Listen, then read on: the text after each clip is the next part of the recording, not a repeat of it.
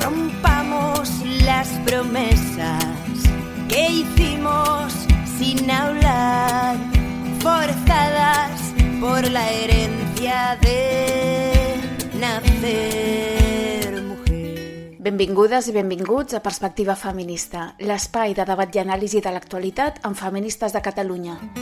Crecimos con el miedo de. Per entendre la realitat que ens envolta i denunciar les desigualtats entre dones i homes. Por nacer mujer, somos, somos las nietas de las brujas que no, que no pudisteis quemar. Somos la otra mitad. Hola a tothom, benvingudes i benvinguts a aquest nou episodi de Perspectiva Feminista. Soc Pat de Lídia i avui us volem explicar la història d'una dona que podem anomenar Cèlia, però que en realitat podria ser la història de moltes de nosaltres. La Cèlia va néixer a Barcelona l'any 1980 en una família de classe treballadora i va ser la primera de dues filles. Igual que la seva germana menor, va estudiar a l'escola pública. La seva mare i el seu pare la van animar a estudiar una carrera universitària i ella va saber aprofitar l'oportunitat conscient del privilegi que això suposava. Abans d'acabar la carrera, la Cèlia ja estava treballant i amb el que guanyava va començar a estalviar per poder independitzar-se. Als 21 anys va quedar embarassada del que llavors era el seu nòvio, però conscient que encara no era el moment de formar una família, va decidir avortar. Anys més tard, quan ja tenia una bona feina, un bon sou i un pis propi, es va enamorar d'un company de departament. Es va casar amb ell i quan ho va considerar oportú es va quedar embarassada de la seva única filla. El matrimoni no va funcionar com ella es pensava i quan la nena tenia només 4 anys i després d'aguantar alguns episodis de violència per part del marit, va decidir denunciar-lo i se'n va divorciar. Per fortuna, la jutgessa li va concedir la custòdia total de la nena a la Cèlia. Després de la ruptura, la Cèlia, que fins poc abans de casar-se havia tingut moltes inquietuds polítiques i havia estat militant d'un partit d'esquerres i membre activa d'una associació veïnal, va recuperar el seu esperit reivindicatiu i va tornar a la militància política. Finalment, es va animar a entrar a les llistes del seu partit per les eleccions municipals de l'any en el que ella va complir 40 anys. Aquesta història anònima, que podria ser la de moltes dones en aquest país, és extraordinària, però, si la comparem amb la de la generació, per exemple, de les nostres mares o de les nostres àvies, que van patir, encara més que nosaltres, les desigualtats que van de la mà del fet de néixer dona en un món dominat pels homes i construït a la seva mida. El que a nosaltres avui en dia ens semblen drets fonamentals que tenim totalment assumits i normalitzats, no són fortuïts ni han existit sempre, sinó que són el resultat de la lluita del feminisme. Una lluita que en els seus 300 anys d'història ha aconseguit que les dones no siguem eternament considerades menor d'edat dependents de la voluntat dels homes de la nostra família, ha aconseguit el nostre accés a l'educació i a la feina remunerada, el nostre dret al vot, al divorci i a l'avortament, i que ha denunciat la feminització de la pobresa i la major precarietat laboral de les dones, així com els feminicidis i la violència sexual que patim. És a dir, el feminisme ha millorat la vida de milions i milions de dones a tot el món i ho continuarà fent fins que totes les nenes i dones del món neixin, creixin i visquin lliures. I d'això us venim a parlar avui, en aquest episodi de Perspectiva Feminista, perquè creiem imprescindible recordar que tots aquests drets dels que les dones podem gaudir al nostre país avui en dia, independentment de si som o no feministes, són el fruit del compromís de les dones feministes que ens han precedit. Són drets que han estat conquerits amb molta feina, molts esforços i molts sacrificis, però que, com hem pogut observar en els últims anys aquí i a tot el món, no estan 100% garantits. Doncs, com molt encertadament va dir la Simone de Beauvoir no oblideu mai que bastarà una crisi política, econòmica o religiosa perquè els drets de les dones tornin a ser qüestionats. Aquests drets mai es donen per adquirits. Heu de romandre vigilants tota la vida. Sometimes it's hard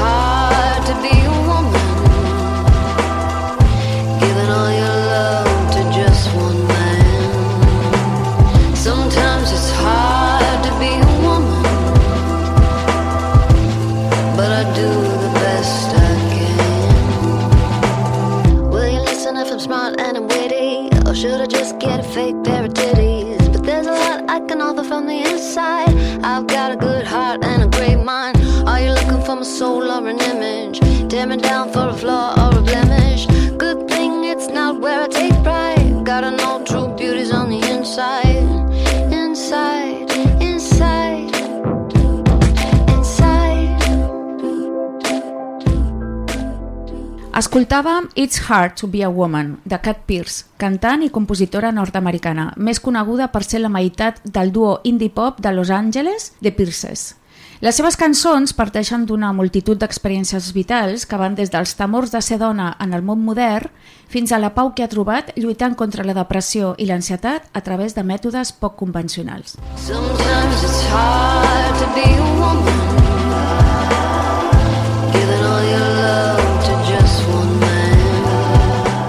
I seguim amb més coses. Arriba la secció de la Wiki Feminista amb l'Erika Bastide.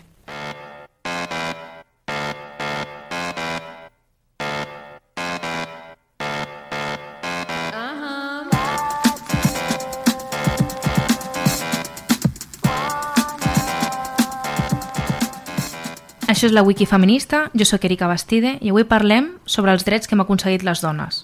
I per això hem posat sobre la taula una línia temporal dels drets que hem anat aconseguint, com deia, al llarg de la història del nostre país. Com veureu, aquesta llista és molt recent i queda interrompuda per un peron degut a la Guerra Civil i la posterior dictadura. Hi ha coses que no estaven prohibides, però no les podien fer, ja que no eren apropiades per a senyoretes. En quant a l'educació, la primera alumna que es va matricular a Espanya va ser Maria Elena Maceras Rivera, l'any 1872, a la Facultat de Medicina de la Universitat de Barcelona. En aquells anys era habitual que es matriculessin les noies, però no rebien el títol perquè aquest tenia un caràcter professional i elles no podien exercir. Abans, el 1842, Concepción Arenal es va haver de disfressar d'home per poder anar duient a les classes de dret de la Universitat de Madrid. L'any 1882, una reial ordre va acabar amb el buit legal i va suspendre en endavant l'admissió de les senyoretes a l'ensenyament superior. No va ser fins a la reforma de la llei el 1910 que les dones van poder accedir als estudis superiors, en igualtat amb respecte als homes. Òbviament, les que s'ho podien permetre. Podíem anar a la universitat però no votar. El sufragi femení no es va aconseguir fins al 1931, gràcies a la famosa lluita de Victoria Kent i Clara Campoamor, que paradògicament podien ser diputades però no podien votar. Finalment es va aconseguir el vot per a les majors de 23 anys, les primeres eleccions on es va poder votar. El divorci es va aconseguir el 1932, durant la Segona República, igual que el sufragi va quedar eliminat, però es va reintroduir l'any 1981. Fins al 1972, quan una llei va reformar el Codi Civil, les dones menors de 25 anys necessitaven comptar amb el permís patern si desitjaven independitzar-se. Només hi havia dos casos en els quals aquest permís no era imprescindible, casar-se o fer-se monja. Per les dones, casar-se comportava una restricció de llibertats. Els seus moviments i decisions depenien de la potestat del marit, mitjançant la llicència marital. Per exemple, el marit havia de donar permís per treballar, i això quan el matrimoni no comportava automàticament un cessament laboral. La llicència marital va deixar d'existir el 2 de maig del 1975 i fins a aquell moment les dones no estaven autoritzades a comprar béns immobles. A partir del 1978, l'adulteri va deixar d'estar penat per l'ordenament espanyol. Les penes, com us podeu imaginar, no eren iguals. Si la dona era infidel, es penava en presó de 6 mesos a 6 anys. I, en el cas dels homes, us llegeixo literalment, el marido que tuviera manceba dentro de la casa conyugal o notoriamente fuera de ella será castigado con una prisión menor. No és casualitat que els primers anticonceptius hormonals es comercialitzessin a l'Espanya aquell mateix any, el 1978. Va ser l'any de la Constitució i a partir de llavors també es van poder ob- obrir un compte bancari sense la tutela del pare o del marit. El 85 es va despenalitzar l'avortament per la llei orgànica 9 barra 1985 del 5 de juliol que declara expressament no punible la pràctica de l'avortament en un supòsit de risc per la vida o salut física i psíquica de l'embarassada, delicte de violació i presumpció de que el fetus haurà de néixer amb greus tares físiques o psíquiques. No va ser fins al 2004 que es va aprovar la Llei Orgànica de Mesures de Protecció Integral contra la Violència de Gènere. Com sabeu, aquesta llei té per objecte actuar contra la violència per raó de sexe que rebem les dones per part només de les parelles o exparelles. I finalment la Llei d'Igualtat de març del 2007, que diu que el principi d'igualtat de tracte entre dones i homes suposa l'absència de qualsevol discriminació, directa o indirecta, per raó de sexe, i especialment les derivades de la maternitat, l'assumpció d'obligacions familiars i l'estat civil. Tots aquests canvis han estat fruits de la lluita feminista. I m'agradaria tancar la secció amb una anècdota molt curiosa que m'he trobat mentre preparava la wiki d'aquesta setmana. Malgrat no està prohibit per llei, la primera dona en conduir un cotxe va ser la Emilia Pardo Bazán l'any 1904. I ara donem pas a la secció d'actualitat en perspectiva feminista amb la nostra companya, l'Anna Gran.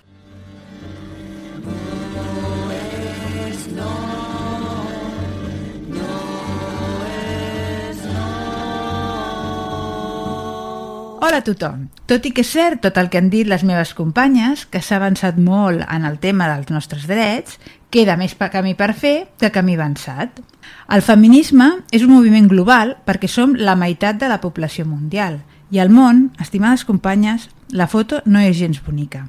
Hi ha una sèrie de països on el que predomina és un patriarcat de coerció, on la desigualtat és legal, Potser el més conegut sigui el d'Aràbia Saudita, on històricament les dones s'han enfrontat a restriccions en àrees com el matrimoni, el divorci, la custòdia dels fills i la llibertat de moviment. Tot i que hi ha hagut alguns canvis recents, ara tenen permís per conduir, les dones encara pateixen moltes desigualtats en la societat saudí. No se'ls permet mostrar el rostre ni les mans en públic, han d'anar tapades, no poden fer res sense el permís d'un home, una dona mai no és major d'edat, però aquest no és el cas pitjor. A l'Afganistan, la situació dels drets de les dones ha estat històricament problemàtica i la recent presa del poder per part dels talibans ha generat un retrocés brutal. Pel fet de néixer dona, se'n neguen drets fonamentals com l'educació, la intimitat. I a la premsa internacional s'ha deixat de parlar de l'Iran, però a l'Iran les dones també enfronten restriccions en molts aspectes de la seva vida, com el matrimoni, el divorci, la custòdia dels fills i el vestit. Hem dit tres països, que així podria semblar poc, però només en aquests tres països estem parlant de 80 milions de dones, 80 milions de persones. I si sumem les dones de països com Sudan, Pakistan, Nigèria, Emirats Àrabs, Índia, Congo, Guatemala, on les dones afronten matrimonis infantils, restriccions en l'educació i tota mena de discriminacions, sumem un total de 2.000 milions de dones. 2.000 milions de persones al món en aquesta situació. Només en aquests països, però n'hi ha molts més. Hem dit que hi ha una sèrie de països on el que predomina és un patriarcat de coerció, on la desigualtat és legal, i en altres els trobem un patriarcat de consentiment, on les pràctiques culturals persisteixen malgrat la igualtat formal. És a dir, en els països occidentals, on les lleis ens emparen, podríem caure en la trampa de pensar que els drets de les dones estan garantits, però no és així.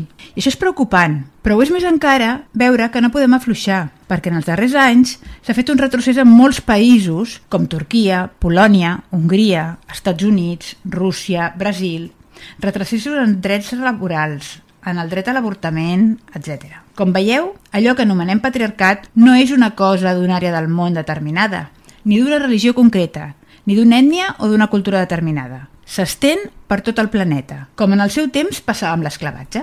I les dones hem de lluitar juntes contra el patriarcat, perquè mentre hi hagi dones sotmeses al món, el feminisme no haurà assolit el seu objectiu. De fet, hi ha països on fa 50 anys les dones tenien més drets que ara, no? Exacte. Fa 50 anys les dones a Egipte, a Iran i Afganistan gaudien de moltes més llibertats en comparació a la situació actual.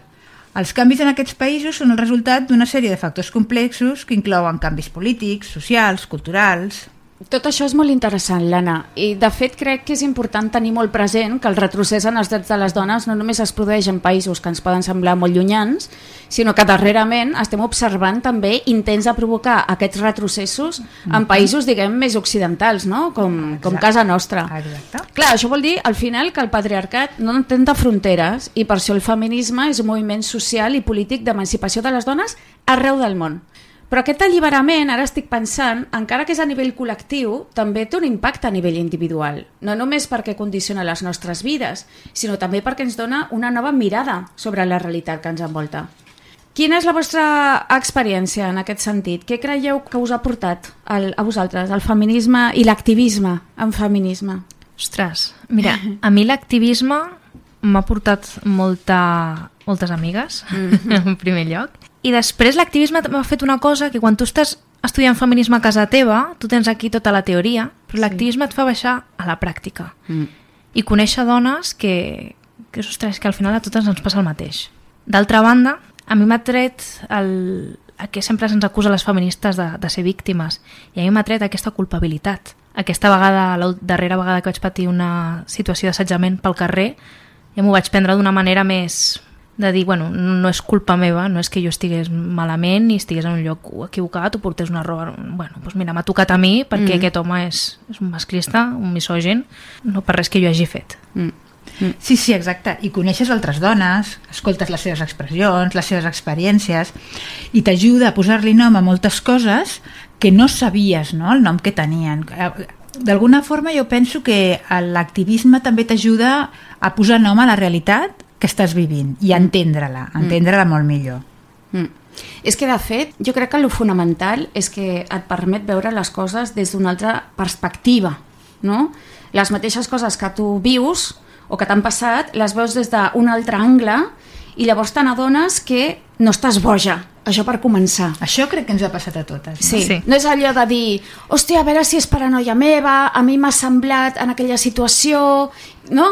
Eh, i, i de vegades et fa dubtar de tu mateixa per això jo crec que és tan important que les dones parlem entre nosaltres, perquè quan parlem entre nosaltres, de repent dius ah, hòstia, que totes tenim la mateixa paranoia? No, és que no era una paranoia, és que la teva percepció era encertada. Total. És que efectivament aquella persona estava abusant de tu, o el que feia el, que feia el, el teu ex era maltractament psicològic, i al final te n'adones, això, el que tu deies, Erika, que no és, ja no hi ha un tema de culpa de hòstia, a mi m'ha passat això perquè jo vaig actuar malament, o vaig ser tonta, o no em vaig Total. adonar, o vaig permetre, o mm, que mala pata tengo, o fixa't que, que malament escollo les parelles, o... No, al final, quan parles amb altres dones i te n'adones que moltes coses ens han passat a totes, o a l'amplíssima majoria, te n'adones que no depèn de tu, que és estructural. Uh mhm. -huh. I això és superalliberador. Sí.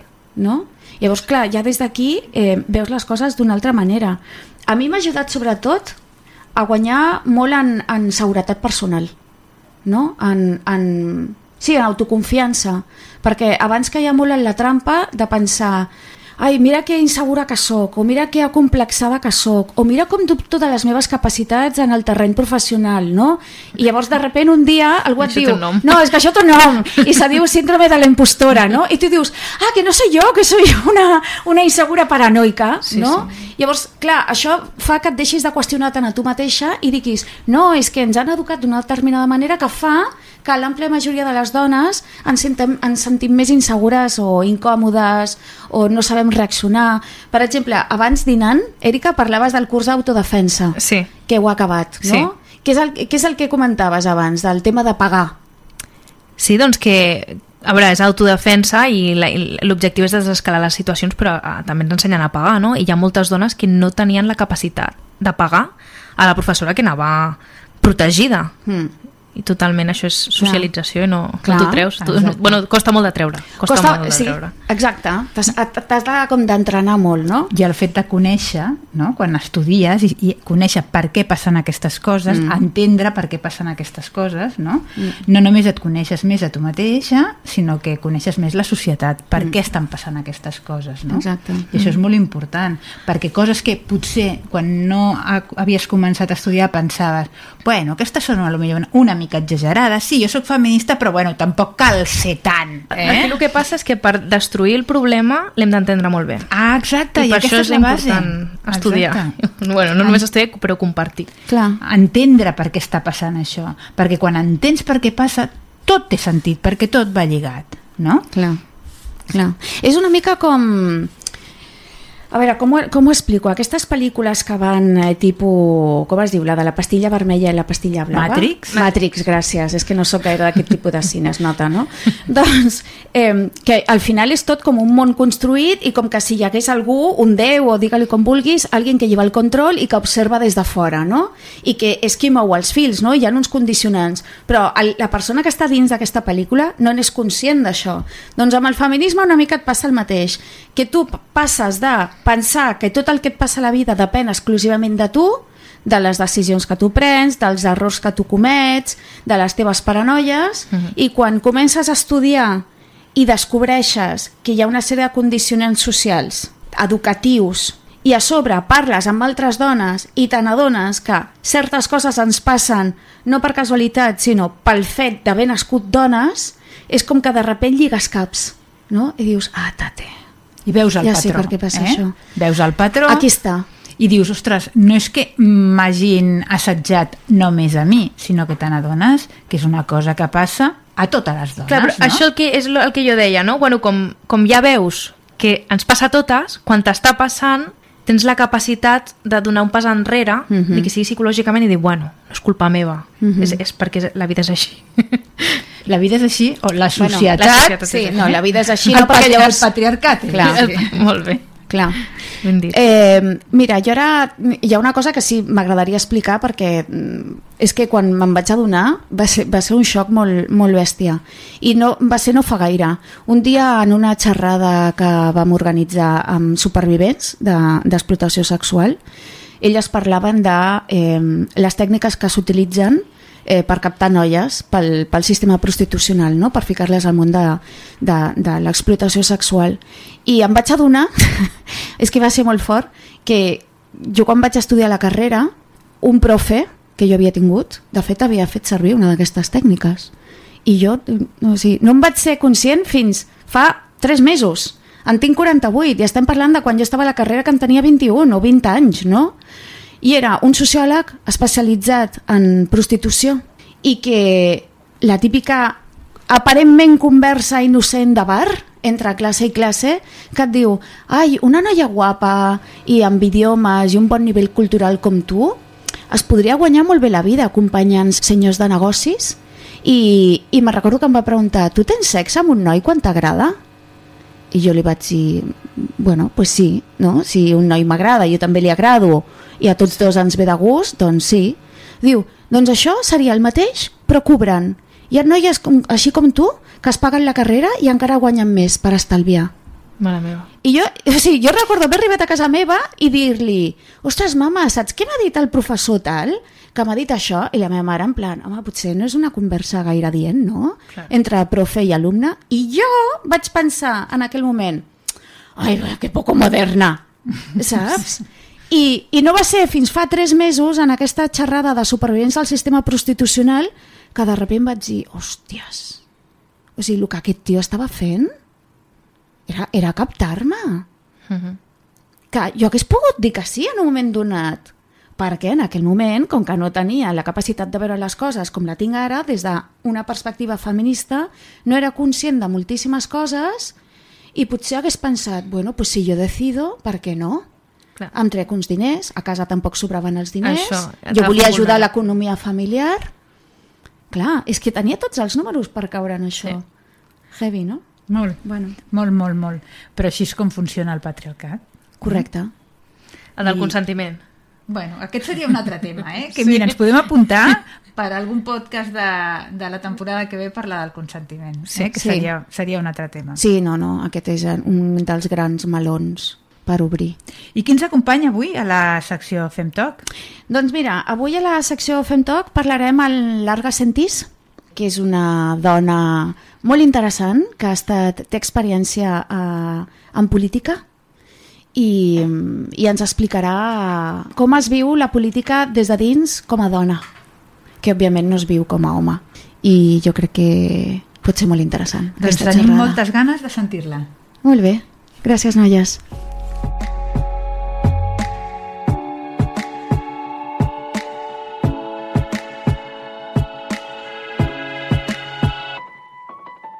I a la nostra Fem Toc d'avui parlem amb Arga Santís. L'Arga té 59 anys, un fill, una filla i un net. Treballa de professora de català. Ha estat dues vegades cap de llista a les eleccions municipals de la seva ciutat, Tarragona, pel partit en el qual militava, Iniciativa per Catalunya als Verds, i durant vuit anys, del 2007 al 2015, ha estat portaveu del grup municipal. A més, l'Arga és membre fundadora de Feministes de Catalunya. Hola, Arga, benvinguda. Hola, Pat, encantada. Arga, al llarg del programa d'avui hem parlat, entre d'altres coses, dels avenços en els drets de les dones i les nenes a l'entorn occidental i sobretot eh, estatal al llarg de les últimes dècades i gràcies al feminisme, naturalment. I un d'aquests avenços ha estat l'accés de les dones a la carrera política. Des de la teva perspectiva i la teva experiència precisament en política, què creus que ha suposat això per les dones? Jo crec que, que ha suposat un, un avenç importantíssim, molt, molt, molt, molt, molt transcendent. Jo crec que no som capaces ni tan sols d'imaginar-nos fins a quin punt és transcendent, no?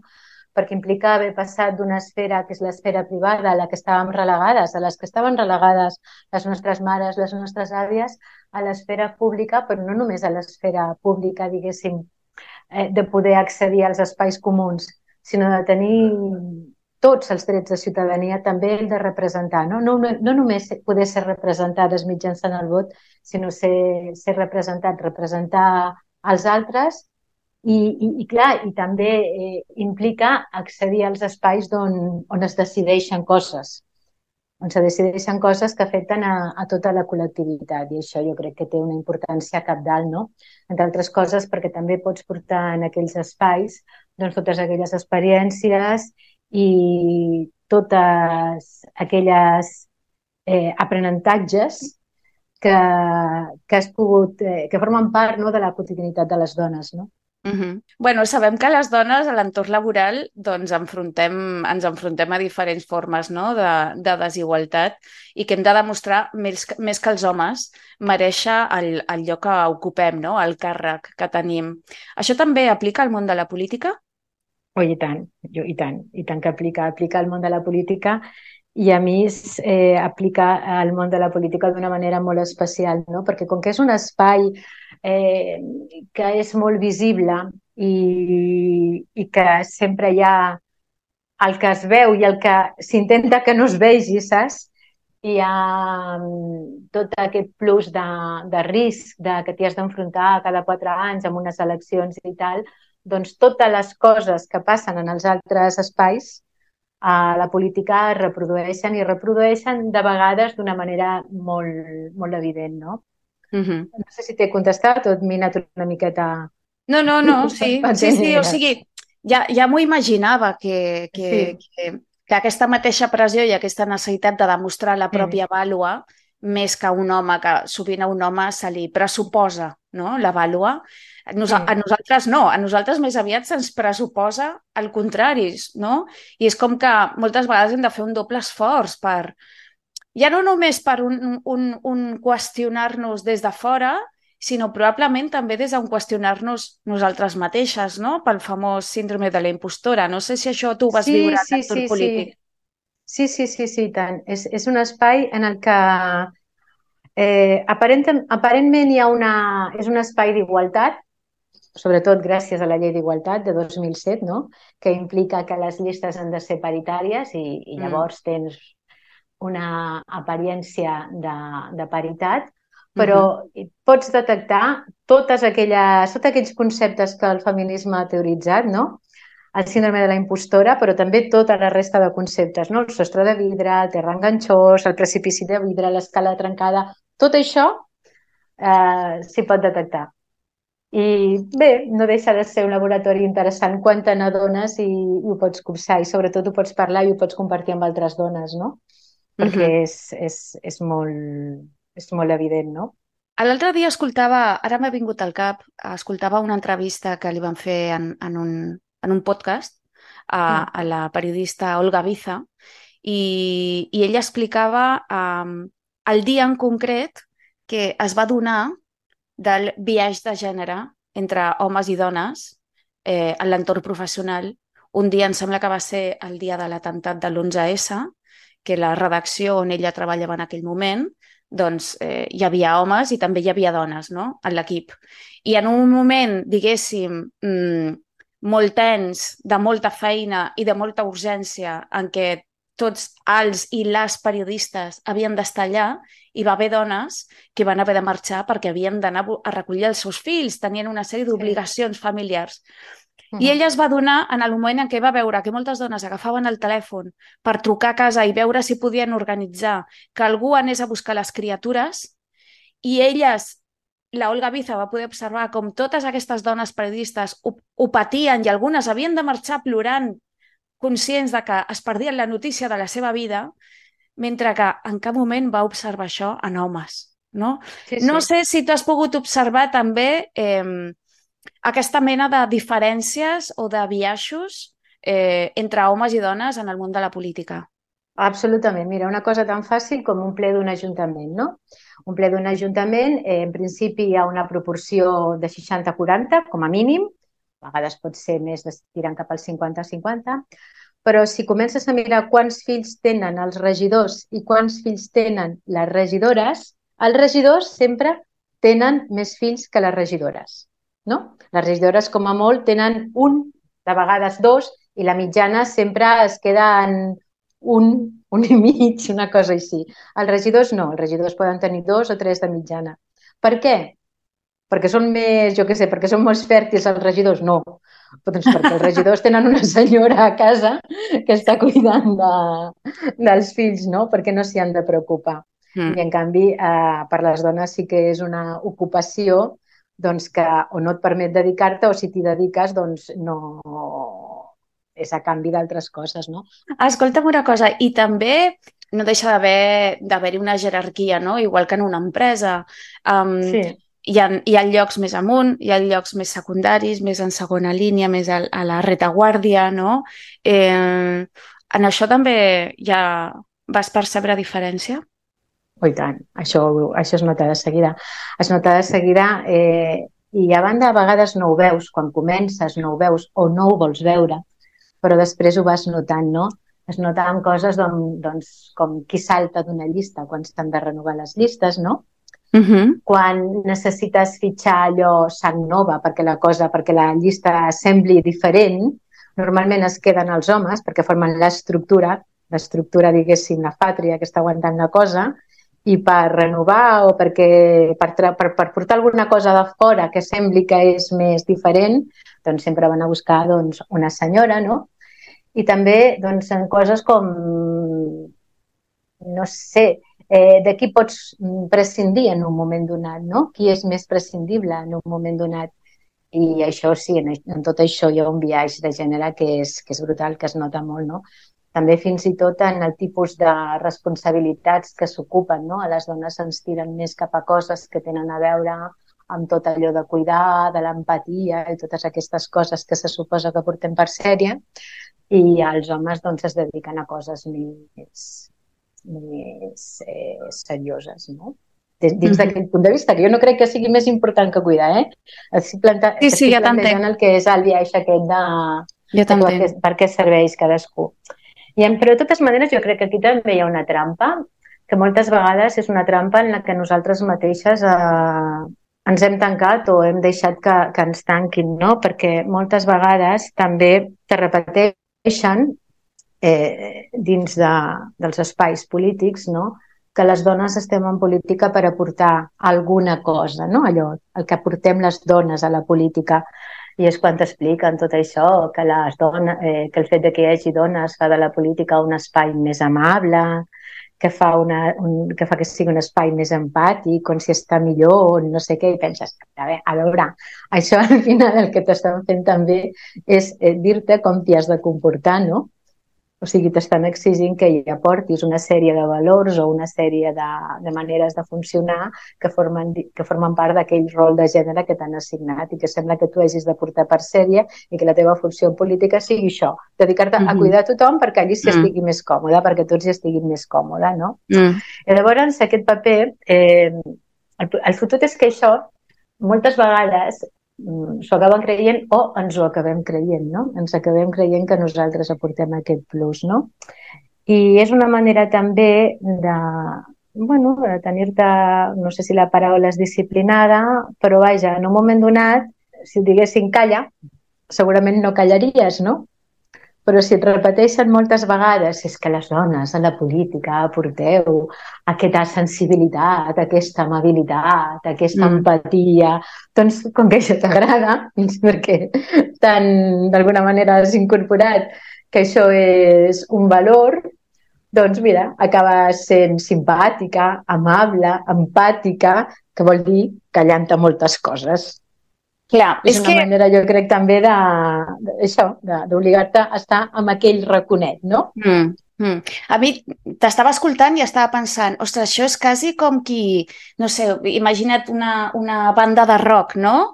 Eh, I hi ha pues, el, el, el, el nucli i després hi ha les xiques de los coros, no? Quasi pues com, sí. tu et quedes aquí cantes molt bé, fas aquest paper, però no et surtis d'això, no? No, no? no siguis la solista. Em, em sonava una mica això I clar, entenc també la trampa no, que em dius, perquè al final no et diuen calla, però sí t'estan dient què esperen de tu. I com que el que esperen de tu es rodeja d'una sèrie de valors que, en principi, són valors positius, no? Però clar, si només et limiten això... Eh... Sí, el que passa és que amb aquesta trampa també hi caiem naltros, eh? Perquè sí, nosaltres sí, sí. som les primeres moltes vegades que tot això també ho expliquem. Doncs, bueno, a veure, jo vull que siguis empàtic tu, tio. Clar, exacte, exacte. L'empatia no és dolenta, però no ens no. l'assigneu només a nosaltres. Clar, clar, sí, sí. Mm. I funciona, eh? I bé, això lligat també al que aquella cosa que també portem de sèrie del síndrome de la impostora, doncs eh, acaba creant doncs, bueno, uns espais que, que són interessants no? doncs, ja. per, per observar totes aquestes coses. El que és interessant d'això és que, bueno, si tu observes sola, doncs mira, eh, penses que et passa a tu i ja està. El que és interessant és quan parles amb altres dones, no? I te n'adones que allò que, que, que tu has notat, que has experimentat, que t'has semblat veure, doncs no et passa a tu, els hi passa a totes. I els hi passa a moltes que són d'aquelles que diuen que elles no són feministes. I no, jo feminista no ho soc. Però, pum, pum, pum, pum, pum. I el que t'estan explicant és exactament totes aquestes coses que dèiem, mm. que més formen part de totes aquelles comportaments i maneres d'experimentar de, l'espai públic i la vida pública que, que hem teoritzat des, de, des del feminisme, yeah. no? Com per exemple, mira, una cosa tan tonta, bueno, tan tonta no, que no és tonta, però que és molt important, no?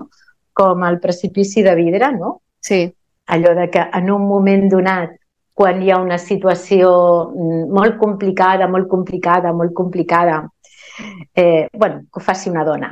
Perquè, mira, eh, en última hora, si no, li, si no li surt bé, doncs només es perdrà una dona, no? Doncs això, déu nhi si ho he vist. De fet, segurament la primera vegada que jo vaig anar de cap de llista, a veure, no era, no, eh, tampoc era això, perquè jo també, jo, jo, jo hi estava molt compromesa i, fe, i ningú no, va, no, no em va obligar, vaig ser jo mateixa la que vaig entomar la responsabilitat, però és aquell plus de sacrifici que també tenim les dones quan mm. estàs en una situació difícil, no? perquè en aquell moment nosaltres no teníem representació municipal i realment mm -hmm. intentar, intentar entrar des de fora en un ajuntament és una cosa molt complicada, molt mm -hmm. complicada, mm -hmm. Mm -hmm. que pots fracassar. Clar, clar. Escolta'm, i clar, mm, com a dona, al final, això ho hem vist en molts exemples, no? Com a dona ocupar una posició de poder, entre d'altres coses, suposa ser objecte de crítiques molt dures. Sí. Um, no sé, per posar alguns exemples a nivell internacional, no? Angela Merkel, Hillary Clinton, Catherine Jacobs-Dottir, mare meva, complicat, la primera ministra la... Sí, la... sí. sí.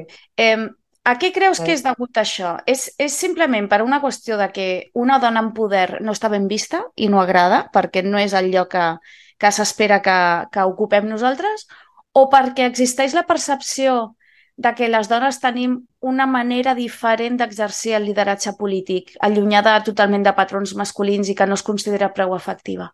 És que jo no, jo, jo no crec que les dones tinguem una manera diferent d'exercir el lideratge polític, eh? Jo crec que això és una d'aquestes coses que moltes vegades hem repetit i que ens hem mm. cregut o que a vegades ens demanen però que forma part de la mm. trampa, no? És allò sí. que et deien, no? quan te deien que les dones són més empàtiques, cuiden, no sé què, i sempre deia algú que deia, i la Thatcher? I un altre deia, doncs la Thatcher no és una dona, home, clar que és una dona la Thatcher. el que passa és que les dones poden ser de 50.000 maneres diferents, no? Ah, aquí I està. el problema d'això és que, que clar, eh, el problema que tenen les dones és que tant te pots trobar en què se't critica perquè no et comportes com un home, que és el que li va passar a la primera ministra aquella d'Islàndia, que tampoc sí. no diré el nom perquè no me sortirà bé, però que al revés també, no? Quan no et comportes com se suposa que s'hauria de comportar una dona, o sigui, ser cuidar, ser, no sé, tenir cura, ser sensible, ser compassiva, ser dolça, doncs també et critiquen. Te critiquen per les dues bandes. Te critiquen si no et comportes com un home i et critiquen si no et comportes com una dona. Facis el que facis, te critiquen. Perquè bàsicament el que critiquen és que hi hagi una dona que estigui en una posició de, bueno, de poder, que a veure, que el poder sí. que estem en política també és un poder com molt relatiu, eh? Sí. Però vaja, sí, una, una posició d'aquelles eh, que es veu que és que té uh -huh. una certa transcendència uh -huh. i és pública, sí. Uh -huh. Sí, no, al final és com, sí, sí, us volem empoderades però no en poder no? que és molt diferent. Sí, sí, però pensa que jo crec que també moltes vegades això, aquestes crítiques també moltes vegades ens venen de partits d'esquerres i de partits que es diuen feministes, però que també eh, exigeixen a les dones aquesta uh -huh. manera diferent de, de comportar-se. Ara estic pensant, per exemple, en aquell senyor del nom del qual ens en recordem tu i jo, si vols el diem i si no, no cal, que va dir allò de que el feminismo es cuidar. Però què dices? Que no. A l'Echenique. Sí. Este senyor. Este bueno, senyor. però, però tu també però ho has dit. tots, eh? Però que de vegades això ve de partits eh, suposadament d'esquerres. Clar, clar, clar, clar. Clar, aquí hi hauria un altre debat, no?, en el que sí, no entraré sí, sí, sí. ara mateix, però... Bueno. Però que forma part de la trampa, no? Vull dir que la trampa d'aquesta de, de, de criticar les dones no ve només de partits que suposadament eh, diuen que l'espai de les dones és la privacitat. També venen moltes, també ve moltes vegades de gent que vol que estiguis en política, però per fer el que se suposa que has de fer, que és cuidar, ser amable, ser empàtica, ser compassiva i totes aquestes coses, no? I clar, això a mi, a, a mi això m'emprenya molt, eh, suposo que m'emprenya molt, més que res perquè dels altres ja no, no m'esperava gaire cosa, dels que es diuen feministes sí que m'esperava una miqueta més de, de coherència, no? Sí. Clar, les dones no estem en política per fer de la política un lloc més confortable. Cony, les dones estem en política i hem d'estar en política perquè som el 50% de, de la població i, per tant, tenim tot el dret del món a ser-hi. I punto. I ja mm -hmm. està. Clar, i tampoc estem per fer la política de los abrazos que diuen, no? No, per favor. No. Vale, escolta, Marga, ja per acabar, um, voldria plantejar-te una pregunta més personal a la que sí. nosaltres hem donat resposta fa una estona amb les companyes del, de l'equip del podcast um, i que és la següent. Què creus que t'ha portat el feminisme a títol individual? Mira, a mi a títol individual m'ho ha portat tot eh, si entenc el feminisme com el que és, una cosa que no comença amb mi, que hi ha gent que ara es pensa que ha inventat el feminisme, sinó que comença molt abans i que és un llegat de, de les dones que han lluitat abans pels drets de les dones. M'ha aportat poder estudiar, m'ha aportat eh, tenir veu, tenir autonomia econòmica, poder decidir amb qui vull viure o amb qui no vull viure, en qui vull tenir relacions o no vull tenir relacions, quan vull tenir fills o si em vull tenir, m'ha portat tot això, m'ha portat llibertat. I això és una -huh. cosa que, que no té preu, no? Uh -huh. I això els hi dec a, a totes les dones feministes, a totes les feministes que han lluitat abans que jo. Jo crec uh -huh. que no en som prou conscients, però si comparem la nostra vida amb tots els problemes que tenim, eh? amb la de les nostres mares, la de les nostres àvies, la de les nostres besàvies, l'agraïment que, que hem de tenir cap a les lluitadores que ens han portat fins on som ara, on som ara, -huh. és que hauria sí. de ser infinit, no? Sí. Això així en general ja. I després ja, si em demanes d'una manera, diguéssim, més, més particular aquí ara, a mi sobretot el que m'ha portat són amigues, eh? M'ha portat amigues, m'ha portat companyes, m'ha portat camarades, mm. i això no vol dir només afecte i, i caliu i, i amistat, que és molt important. Això vol dir, sobretot, la possibilitat de tenir un espai compartit un espai on poder parlar i on poder pensar juntes, no? que, les, que les coses que et passin o les coses que veus no siguin experiències individuals que s'acaben, sinó que siguin l'oportunitat de, de crear un discurs compartit, que a més és un discurs que no només analitza el present, sinó que s'omple de raons i s'omple de, de voluntat per, per intentar construir un futur per totes les dones. Mm. No sé si no sé si no m'he quedat massa però és que jo crec que, que una vegada hi entres, una vegada ho coneixes, una vegada pots viure aquesta sensació de formar part d'un pensament comú de les dones per canviar el destí de totes les dones és, sí. és, és una passada, és sí. increïble. Tot i adonar-te'n de tots els problemes, tot i adonar-te'n de tots els costos de tot, és, és increïble, és, sí. és una passada. Sí, sí, i que a més la història que estàs vivint no és només la teva, que és prou important, sinó que formes part d'una història col·lectiva, d'una història que ve abans, però que sobretot que es projecta en el futur i es projecta absolutament en totes les dones, que no es pot acabar amb tu, no s'acaba mai amb tu. Ha d'arribar a totes les dones del món, totes i també més enllà, a les dones que arribaran després, no? Sí, sí fonamental. Sí. Ai, doncs mira, amb aquest pensament que em sembla emocionant i molt bonic, ens, ens quedem. A mi em sembla que és una excel·lent manera d'acabar l'entrevista. Moltíssimes gràcies, Arga. Moltes gràcies a tu, Pat.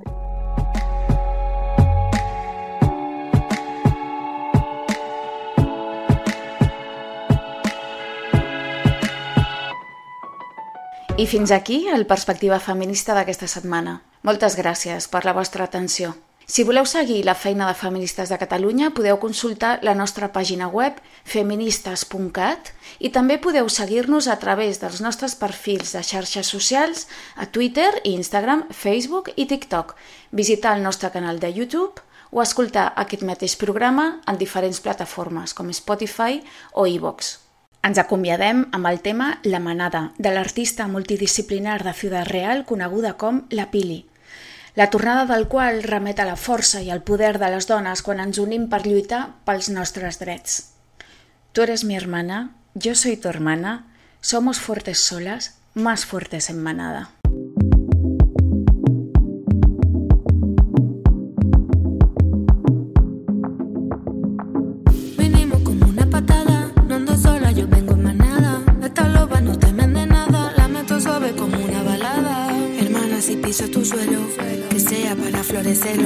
Y que tu florezca el mío y juntas volvamos a hacerlo. Hermana, tú me das sentido, contigo sé que puedo hacerlo y que cuando a mí viene el frío me ayuda a salir de hielo. Cada vez que yo no estoy para mí, tú has estado y yo estaré para ti. Sé que ni lo tengo que decir. Muchas gracias por estar ahí.